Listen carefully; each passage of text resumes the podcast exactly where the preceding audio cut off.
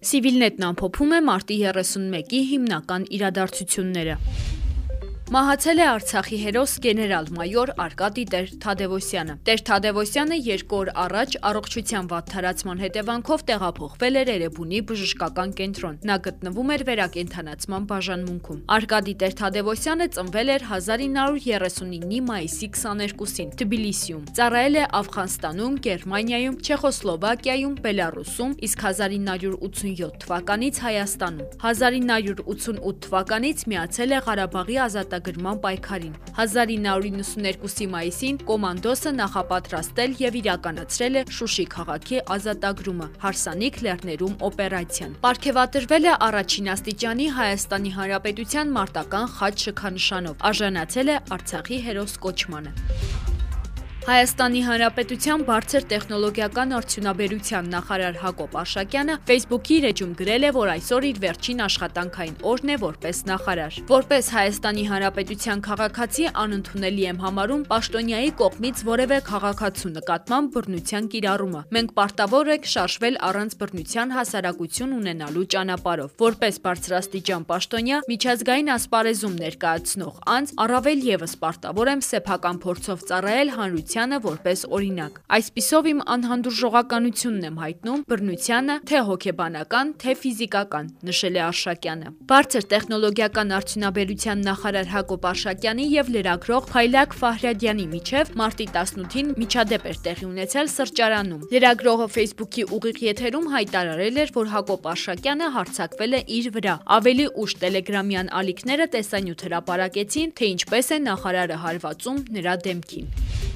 Ադրբեջանի ականազերծման գործակալության ներկայացուցիչը հայտարարել է, թե հայկական կողմը 2020 թվականի Ղարաբաղյան պատերազմի ընթացքում օգտագործել է Իսկանդեր հրթիռային համալիրներ։ Ադրբեջանցի պաշտոնյայի խոսքով 2020 թվականի դեկտեմբերից գործակալությունը Շուշիում ականազերծման եւ զինամթերքի վնասազերծման աշխատանքներ է իրականացնում։ Ստուգման ընթացքում տարբերակիչ համարներով մասնագետները ողջել են, որ դրա բեկորները պատկանում են Իսկանդեր հրթիռային համալիրին։ Անցյալ տարվա նոեմբերին Հայաստանի Հանրապետության զինված ուժերի գլխավոր շտաբի նախկին պետ Մովսես Հակոբյանը հայտարարել էր, որ Իսկանդեր օպերատիվ տակտիկական հրթիռային համալիրներն օգտագործվել են պատերազմի վերջին օրերին։ Երրորդ նախագահ Սերժ Սարգսյանն այս տարվա փետրվարին հարցազրույցներից մեկում նշել էր, որ համալիրներից կրակել են Շուշիի ուղությամբ։ Թեման զարգացավ վարչապետ Նիկոլ Փաշինյանի հարցազրույցից հետո, որում նա ասել էր, թե հրթիռները պայթել են 10%-ով։ Հայտարարությունը քննադատության է արժանացել ռուսաստանյան քաղաքական եւ փորձագիտական շրջանակներում։ Իսկ Ռուսաստանի պաշտպանության նախարարությունը պարզաբանել է, որ պարոն Փաշինյանին հավանաբար մոլորեցրել են։ Իսկանդերը հակամարտության ժամանակ չի կիրառվել։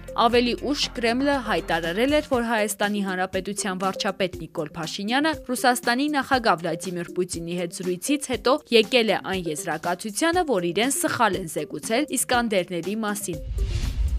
Ամերիկայի Միացյալ Նահանգները հաստատել է Թուրքիայի ներգրավվածության փաստը 44-օրյա պատերազմում Ադրբեջանին աջակցելու նպատակով։ Այս մասին նշվում է ԱՄՆ պետքարտուղարության աշխարհում մարդու իրավունքների պաշտպանության մասին զեկույցում։ Դրանում նշվում է, որ Ադրբեջանը վերականգնել է վերահսկողությունն Արցախի 4 շրջանների նկատմամբ Թուրքիայի աջակցությամբ, իսկ մնացած շրջանները վերադարձվել են հրադադարի արդյունքում։ Զեկույցի հեղինակները նաև նշում են, որ 1995 թվականից Իրանից Լեռնային Ղարաբաղի վերջնական կարգավիճակը ԵԱՀԿ Միսկի խմբի համանախագահների միջազգային միջնորդության առարկա է։ Բացի այդ հիշատակվում է հուլիսի 12-ից 16-ը Հայաստանի եւ Ադրբեջանի սահմանին Տավուշում մարդկային զոհերով ուղեկցված սահմանային բախումների մասին։ Զեկույցում նաև նշվում է, որ ռազմական գործողությունների սկսվելուց հետո սեպտեմբերի 27-ին Հայաստանի կառավարությունը հայտարարել է ռազմական դրություն, որով սահմանափակումներ են մտցվել կարծիքների արտահայտման, հավաք քաղաքների եւ տեղաշարժի ազատության վրա։